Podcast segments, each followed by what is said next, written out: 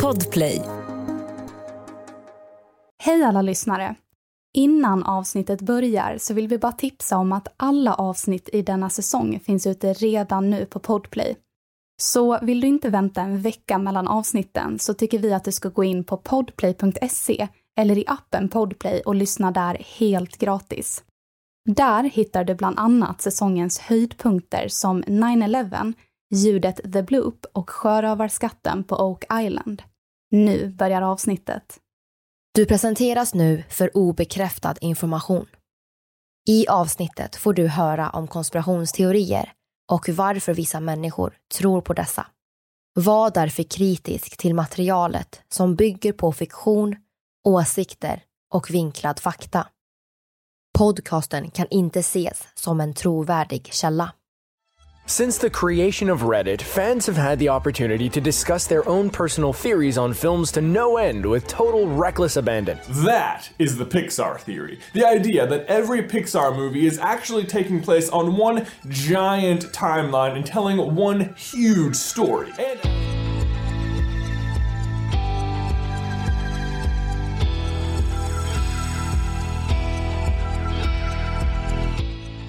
Det här är podden för dig som är intresserad av en annan version av verkligheten. En version som tar upp alternativa teorier, mystiska sammanträffanden och diskussioner om vad som kan vara sant. Mitt namn är Vivi. Och mitt namn är Aida. Och det här är konspirationsteorier.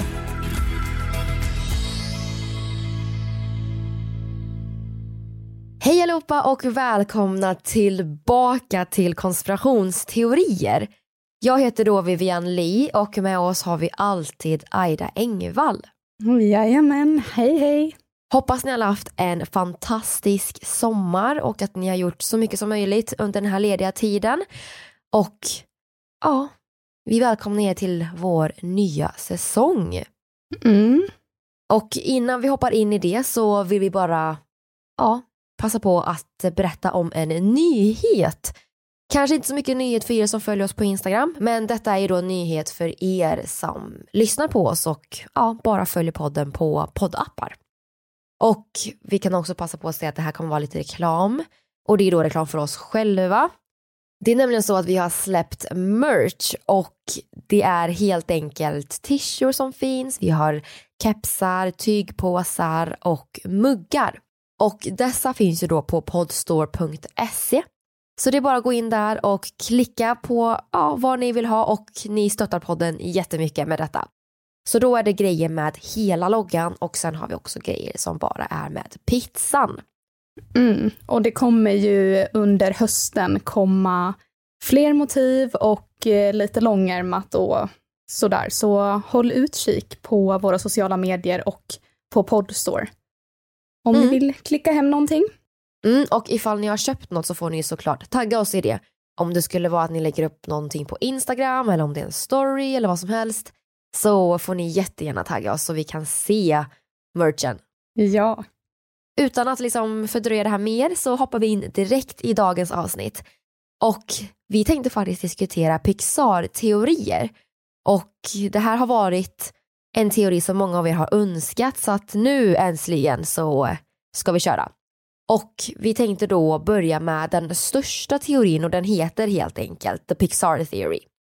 Och den går då ut på en idé att alla Pixar-filmer utspelar sig i samma universum och att de då hänger ihop med varandra i en lång, lång tidslinje. Och den här teorin skapades då av John Negroni som då har skrivit en bok om just den här teorin. Och vi kan också säga det att den här teorin har ändrats en hel del. När det kommer ut en ny Pixar-film så kommer ja, men alla filmerna att flyttas om lite grann. Så därmed så finns det ju då flera olika varianter av teorin, men helheten är i princip densamma. Och ja, den är väl kanske lite långsökt, men ja, det får ni ju själva bestämma. Och eh, det finns då en sida som heter pixartheory.com och där kan man läsa hur mycket som helst om det här. Ja, precis. Och för er som är superintresserade över alla de teorier som finns så kan ni bara gå in där.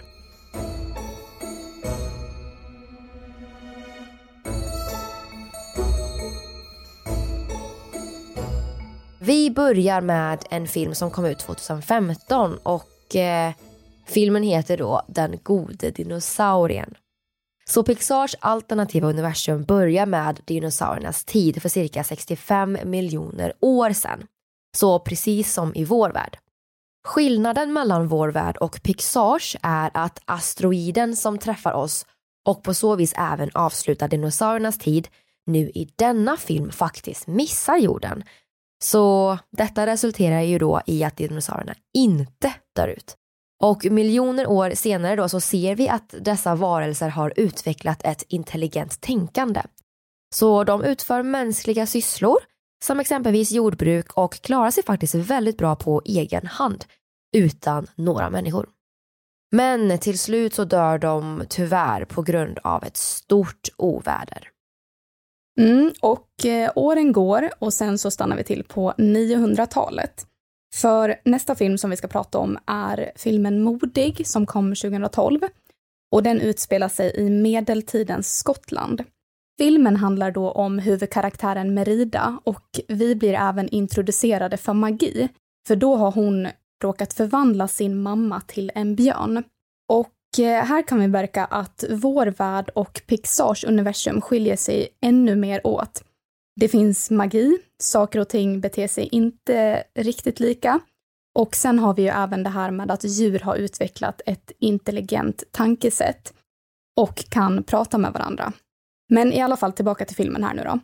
Magin kommer då från en häxa som försvinner varje gång hon passerar en dörr. Och det här kan ni lägga på minnet för att vi kommer komma tillbaka till det här lite senare. Ja, håll det på minnet. Tiden fortsätter då att gå och vi stannar till på nästa film, nämligen Superhjältarna från då 2004 och 2018. Så teorin fortsätter med att regeringen på 50 till 60-talet ungefär har hittat ett sätt att utnyttja mänsklig energi och skapa superhjältar. Men med tiden så dör de ut. I filmen så finns det en viktig karaktär som heter Buddy som verkligen vill bli en superhjälte. Men han blir ju då avvisad av Bob eller Mr Incredible som han också kallas. Och det här gjorde ju då så att han liksom på något sätt utvecklade ett hat mot superhjältar istället och eh, blev ond. Så ja, när han blev ond så tog han sig an namnet Syndrome. Han är då väldigt viktig för den här teorin för det är han som skapar eller uppfinner då två saker. Han uppfinner AI, alltså artificiell intelligens och robotar då för att kämpa mot superhjältarna så att de här robotarna har ju då AI. Och han uppfinner även en energi som kallas för zero point energy som då är en elektromagnetisk energi som existerar i vakuum. Så grejen är så här då, han dör tyvärr själv av den här teknologin som han uppfinner eftersom att den är smartare än han själv. Den, alltså AI, ni vet. Och eh, den här teknologin, zero point energy, är faktiskt den som i Pixars värld gör att djur, saker och maskiner kan prata och bete sig på ett mänskligt sätt. Och den här energin och teknologin då, den leder faktiskt också till uppkomsten av ett företag som kallas för Buy and Large och de kommer vi att prata om lite senare. Men huvudsaken just nu är att maskinerna kommer inte att ta över än utan det kommer senare. Än så länge så är det faktiskt djuren som har övertag.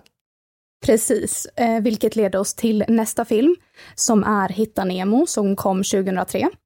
Och i Hitta Nemo så kan vi se att fiskarna har lämnats under vatten en lång tid och precis som med dinosaurierna så har de utvecklat en viss intelligens.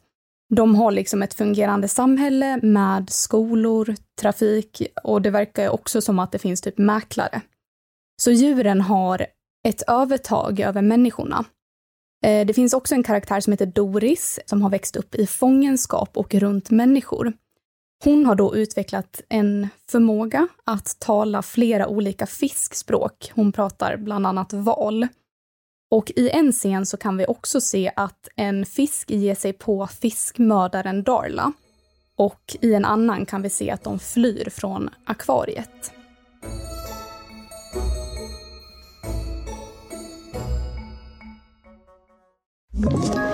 Ett poddtips från Podplay. I fallen jag aldrig glömmer djupdyker Hasse Aro i arbetet bakom några av Sveriges mest uppseendeväckande brottsutredningar. Går vi in med hemlig telefonavlyssning och, och då upplever vi att vi får en total förändring av hans beteende. Vad är det som händer nu? Vem är det som läcker? Och så säger han att jag är kriminell, jag har varit kriminell i hela mitt liv men att mörda ett barn, där går min gräns. Nya säsongen av Fallen jag aldrig glömmer på Podplay.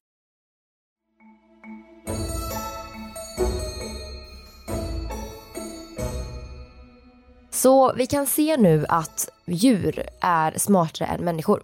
Men det handlar liksom inte om en maktkamp mellan människorna och djuren. För i denna film så kan vi se ett samarbete. Vi ska prata om filmen Ratatouille från 2007. Där vi får följa med råttan Remy och se hans stora dröm om att bli mästerkock. Och vi ska också tillägga att det här är vanligtvis en människosyssla. Det är inte ofta råttor får vara i kök liksom. Nej. Råttan då samarbetar med en karaktär som heter Linguini som då jobbar i köket. Och de kommer på ett sätt där de båda kan laga mat tillsammans genom att Remy sitter på Linguinis huvud och då drar honom i håret för att styra honom så att, ja. Så här kan vi faktiskt se ett tecken på att djuren på ett sätt har övertag över människorna. Eh, och filmen Upp, den är ju då näst på tur. Och den släpptes 2009 och börjar med att huvudkaraktären Carl tvingas ge upp sitt hus till ett företag som expanderar staden. Och eh, det är det här företaget som heter By and Large som vi pratade om tidigare. Och den är, den eller de, är en stor del av Pixars teori och kan faktiskt synas både i Wall-E och i Toy Story. Men innan vi fortsätter prata om By and Large så måste vi såklart prata lite mer om djuren. Nästa film i denna tidslinje är nämligen Hitta Doris som kom ut 2016. I en scen i Hitta Doris kan vi se att Doris och Nemo kommer till ett ställe som är väldigt nedskräpat. Denna nedskräpning har gjort att vattnet är väldigt förorenat vilket leder till att djuren på ett sätt tappar övertaget. Det är här som maskiner och robotar tar en större plats i Pixar-teorin och som djuren försvinner. De dör faktiskt helt enkelt ut på grund av att vattnet är förorenat. I teorin, inte i filmen, i teorin. Det är väl kanske då by and large som har gjort den här nedskräpningen, tänker jag. Mm, precis, så skulle det definitivt kunna vara i den här Pixar-teorin. Mm. Men det är i alla fall nu vi kommer in på Toy Story. För företaget By and Large, de har tagit sig in i leksaksbranschen och utvecklat leksaker som kommer till liv. Allt är tack vare den här Zero Point Energy som uppfanns av Syndrom och som By and Large har använt sig av. Och vi kan se att företaget har utvecklat batterier som faktiskt syns i Buzz Lightyear i filmen då. Men dessa leksaker använder sig också av en annan typ av energi. De kommer till liv av mänsklig närvaro. Så de på ett sätt använder människornas energi och kärlek till leksakerna. Och i Toy Story 2 så kan vi se att det är farligt för leksakerna att vara isolerade från människorna. Mm. Och nu kommer vi att prata lite mer om By and Large, eller vi kommer nämna det för att i filmen Wall-E så kan vi se att företaget By and Large har tagit över världen. Och alltså inte bara världen utan till och med världens alla regeringar. Året är nu 2057 och det här utspelar sig fram tills 2110. De har ju då gjort planeten överbefolkad så världen är nu så pass förorenad och förstörd att människorna faktiskt tvingas att lämna jorden. Eller ja, lämna den här platsen då och eh, det här är ju då under kontroll av eh, By and Large. Så By and Large använder då fortfarande sin energi för att driva AI och andra livsformer. Och kvar på planeten finns ju då robotarna som håller på att städa upp den. Och där ibland då så kan vi ju då se Wally. Men de är inte de enda som är kvar för det finns ju faktiskt också andra maskiner. Nämligen bilar. Mm. Livet på jorden fortsätter och AI har kontroll över energin. Så bilarna kan leva sina liv som vanligt. Och bilarna de är ju faktiskt inte ensamma på planeten. För i en scen från bilar så är det en bil som vägrar köra framåt för att det är en krabba i vägen. Och då kanske ni tänker då att nej men det här går ju inte ihop. Var inte alla djur utdöda? Det var ju förorenat. Mm -hmm. Ja, alltså inte riktigt. För i en scen från Hitta Doris så kan man se att allt är nedskräpat. Så de är ju inte ensamma där, utan man kan ju då faktiskt se krabbor. Så att de här krabborna verkar ju ha ett sätt då, de verkar ha hittat ett sätt att överleva. Men bilarna då, de går ju på bränsle och det råder ju, ja, såklart extrem bränslebrist. Och en annan sak som det också är brist på är ju människor. Och som vi vet så behövs ju mänsklig närvaro för att de här sakerna ska kunna utnyttja energi. Och jag har då hört en variant på den här teorin eh, där det då bara exempelvis är de bilar som var extra älskade av människor som faktiskt fungerade under tiden som människorna var borta från planeten då. Men liksom den här distansen tar ju till slut kol på bilarna. Så till slut så dör de också och jorden börjar successivt att återhämta sig. Mm. Och en sidonotering till just bilarteorin är ju också att jag har ju hört att det finns en teori om just bilar där deras bränsle är människor. Men eh, det kan vi ta en annan gång. jag blev typ nyfiken nu. Ja, jo, men alltså jag, jag har sett en bild på det helt enkelt, typ att det är så här i filmen Bilar så ser vi typ att de, men som vi snackade om, de pratar människospråk och sådär och beter sig människor, alltså, eller beter sig väldigt mänskligt och så. Och att det är nämligen så att eh, människan är slav i bilen. Så att det är liksom en människa som är, är eh, drivmedlet för bilarna. Så att det, eh, det här är en väldigt eh, tvistad och lite hemsk teori på... Ja, för då är de ju onda helt plötsligt här nu. Ja, jag ska se om jag kan hitta en bild på det här och eh, lägga upp. Då är det väl typ så här att eh, ja, men människan är bränslet i bilen och eh, det, jag har inte läst på ordentligt om den här teorin så att jag kan ju ha fel. Så att, eh, vi kanske kan göra ett litet miniavsnitt om det här. Eh, det är inte jättelångt men det hade varit kul.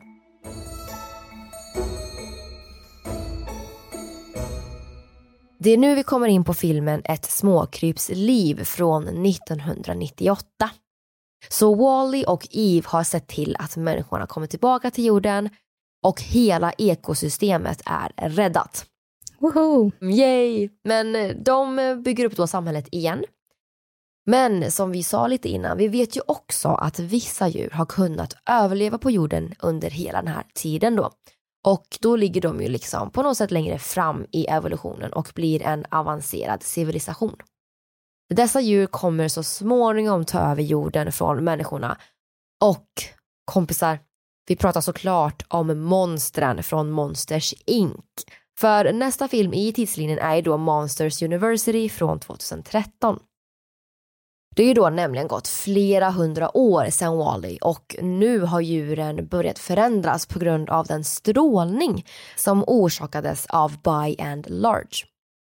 Djuren har ju då utvecklats till monster och på Monsters University så får vi lära, eller de får då lära sig, att människor är giftiga och från en annan dimension.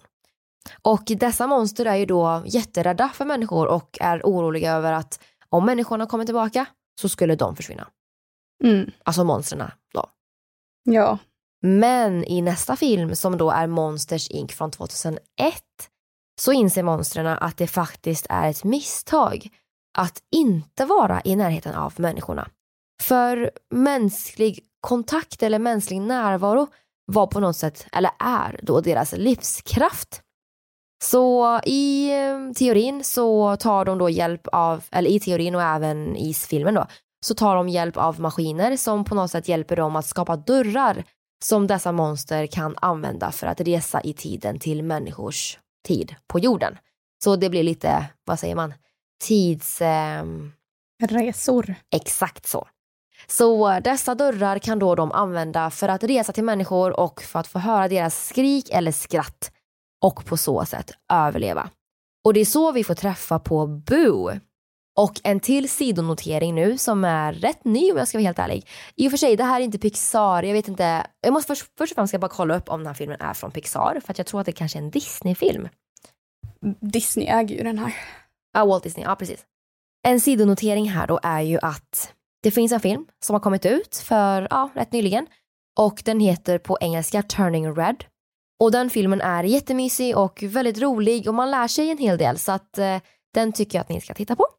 Men eh, det jag ska säga är helt enkelt att det finns en teori här som kopplar Boo till filmen Turning Red. Och det är helt enkelt en tjej där som heter Abby.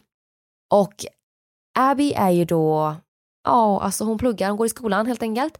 Och det som kopplar dem är att Abby har en blomma på sin, eh, alltså på sin outfit som ser jättemycket ut som blomman på Boos dörr.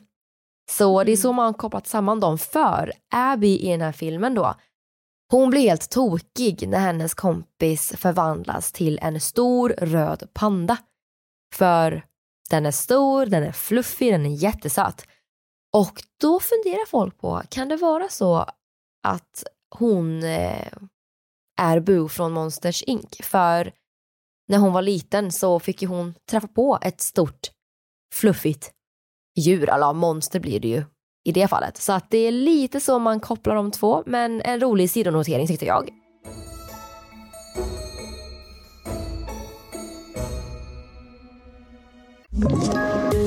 Poddtips från Podplay. I podden Något Kaiko garanterar östgötarna Brutti och jag, Davva, dig en stor dos skratt.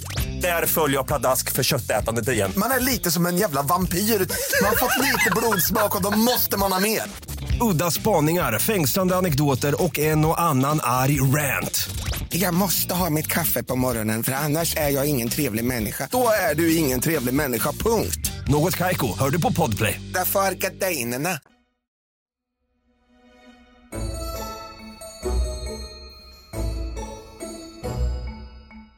Tidslinjen, den är avslutad.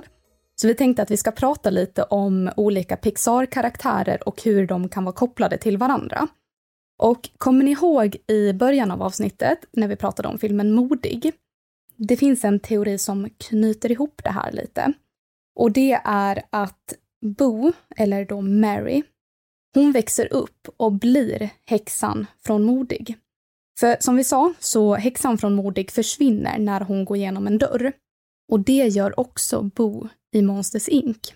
Mm, så det finns ju en del teorier om Boo. Är hon helt enkelt Abby från Turning Red? Eller är hon häxan från Modig? Eller kan det vara så att hon faktiskt är Edna? Alltså Ednas dotter från Superhjältarna. För Boo är en karaktär som vi inte vet sådär jätte, jättemycket om. Men det finns en hel del teorier om henne och ja, det är helt enkelt att hon kanske har superkrafter. För hon kan ju faktiskt dyka upp på nya platser. Så en del fans har spekulerat kring om hon kan vara Ednas dotter från Superhjältarna som vi då sa. Och ni som har sett Superhjältarna vet att Edna inte riktigt är ett fan av barn. Och i Superhjältarna så säger hon att hon aldrig har drabbats av barn. Men kanske var det så att hon eh, fick ett barn som hon adopterade bort. Och en superhjälte hon har gjort direkt till är Thunderhead. Och den här superhjälten sägs vara bra med barn. Och eh, hans fil, som man kan se i en kort sekvens, säger att han har adopterat fem barn. Och kanske kan en av dem vara Mary. Grejen är ju så här, för om du tittar lite på Boo, hon är ju väldigt lik Edna, är hon inte det? Ja, jo. Det är hon ju. Mm. Och med handen på hjärtat, vi vet ju inte jättemycket om Bo. Vi vet inte vem hennes föräldrar är eller om hennes föräldrar var superhjältar och sådär. Så att alltså hon skulle ju kunna vara Ednas dotter. Mm. Vi hoppar vidare till en annan teori. Och den här handlar om Hitta Nemo och Toy Story. I Hitta Nemo då, när vi ser att fiskmördaren Darla besöker tandläkaren, så har hon på sig en tröja där det står Rock and Roll Girl och hon dyker även upp på ett tidningsomslag i Toy Story 3 som Molly läser. Och då kan man ställa sig frågan, Varför finns det en helt vanlig flicka på ett omslag? Jo, kanske för att hon då är dotter till en oerhört känd rockstjärna. Vet inte vem det är, men... Men en till grej jag vill tillägga är att Molly är ju hon blonda tjejen. Det är Molly Davis från Toy Story. Så att vi kommer med nya namn nu för er som inte har sett det så ja. Molly är en karaktär från Toy Story 3. Men hörni, en till teori då. Det är nämligen så att Dash från Superhjältarna kan vara pappa till Molly från Toy Story. Så Andy och Molly från Toy Story är ju inte speciellt lika och eh, de är ju syskon. Och båda har ju visserligen blå ögon men den ena har ett väldigt fyrkantigt ansikte med blont lockigt hår och den andra har ett ovalt ansikte med brunt rakt hår. Så kanske beror deras olika utseende på att de inte har samma pappa. Så teorin är ju då att Dash, sonen från superhjältarna, som också har blont hår och fyrkantigt ansikte, är pappan till Molly. Och även fast Dash också i filmen är ett barn så kanske teorin är möjlig eftersom Dash kanske är född på 60-talet och Molly runt 1995. Alltså det kan ju vara möjligt. Så skulle det kunna vara, men lite långdraget. Men som vi sa i början av avsnittet, de eh, hoppar och trycker in lite då och då i olika delar av tidslinjen sådär så att det skulle kunna gå. En annan teori som har med Toy Story att göra är ju då att Emily är Andys mamma. Och då undrar ni, vem är Emily? Jo, i Toy Story 2 så dyker det upp en karaktär som först och främst heter Jessie och hon är ju då den här cowgirl-dockan. Och cowgirl-dockan har ju då, eller har haft en ägare. Och denna ägare är ju då Emily och det är hon som har en röd cowboymössa. Och det här har ju då lett till en teori att Emily är Andys mamma. Ja, kanske. Kanske, jag vet inte, men det är intressant att lyssna på. Men det är en eh, väldigt, väldigt intressant syn på det hela. Mm. Eh, vi ska gå tillbaka till filmen Upp lite, tänkte jag.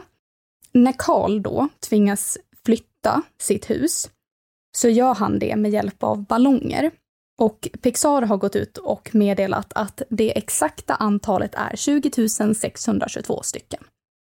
Och han åker då runt till olika platser, bland annat till ett vattenfall dit hans döde fru alltid har velat åka. Men däremot så finns det en teori att, ja men, det här har inte hänt. För teorin går nämligen ut på att Karl är väldigt virrig och att det här bara händer i hans huvud. Alltså hans äventyr och det faktum att han får sitt hus att ja, göra lite det han vill låter lite för bra för att vara sant. Mm, jätteintressant. Och eh, en annan teori som också finns är ju då att Riley är adopterad. Och då undrar ni, vem är Riley? Jo, hon är en karaktär från insidan ut. Och eh, hon liknar inte riktigt hennes föräldrar. Så en teori om henne är faktiskt att hon egentligen är adopterad. Sen så har vi en annan teori. En grej med Pixars värld är ju då att alla barn verkar på något sätt ha ett monster från Monsters Inc. Och det borde ju faktiskt också gälla Riley från insidan ut. Men enligt den här teorin så är hennes monster George Sanderson. En annan teori om just insidan ut är också att Bing Bong, den där elefanten som hon träffar och eh, att han då är ett monster som arbetade på Monsters Inc och att han då fick Rileys rum. Hon blev ju då så bekväm med honom att hon eh, gjorde så att han helt enkelt blev hennes låtsasvän. Den rosa karaktären, alltså elefanten, är ju Bing Bong och George Sanderson är den orangea karaktären. Ja, det är ju klappat och klart där. Man ser ju att det är samma ju. Ja, eller det ser ut som att Bing Bong har en elefantkostym eh, på sig för man ser ju benen likadana. Mm. Fast ändå inte för att eh, alltså, ja jag vet inte, lite långsökt. Jo men, ja. på något sätt är det typ samma. Så skulle det kunna vara. Ja. Men eh, detta hörni var allt vi hade för det här avsnittet och vi hoppas att ni tyckte om det. Det har ju varit önskat av många av er så att eh, superkul att vi äntligen kunde göra det. Alltså jag tycker också att det är lite roligt att inte bara prata om de här superhemska, mörka konspirationsteorierna, utan att man får lite ja men lite mysig stämning. Kan det vara så här? Mm. Mm, precis. Men eh, ja, det här var allt vi hade för detta avsnitt och alla avsnitt finns ute på podplay.se. Men eh, ni får ha det så bra så hörs vi i nästa avsnitt. Det gör vi. Hej då! Hej då!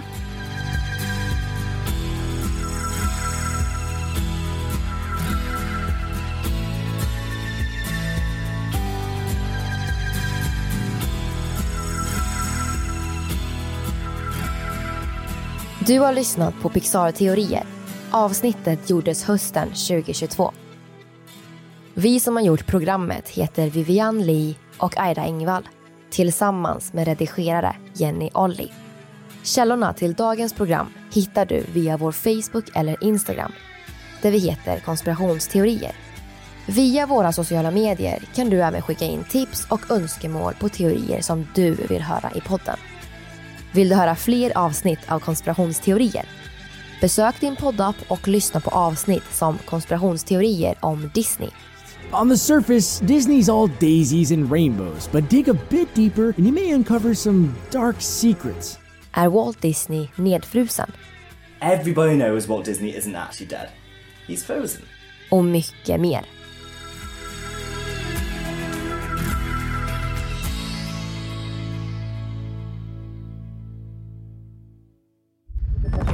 Podplay, en del av Power Media.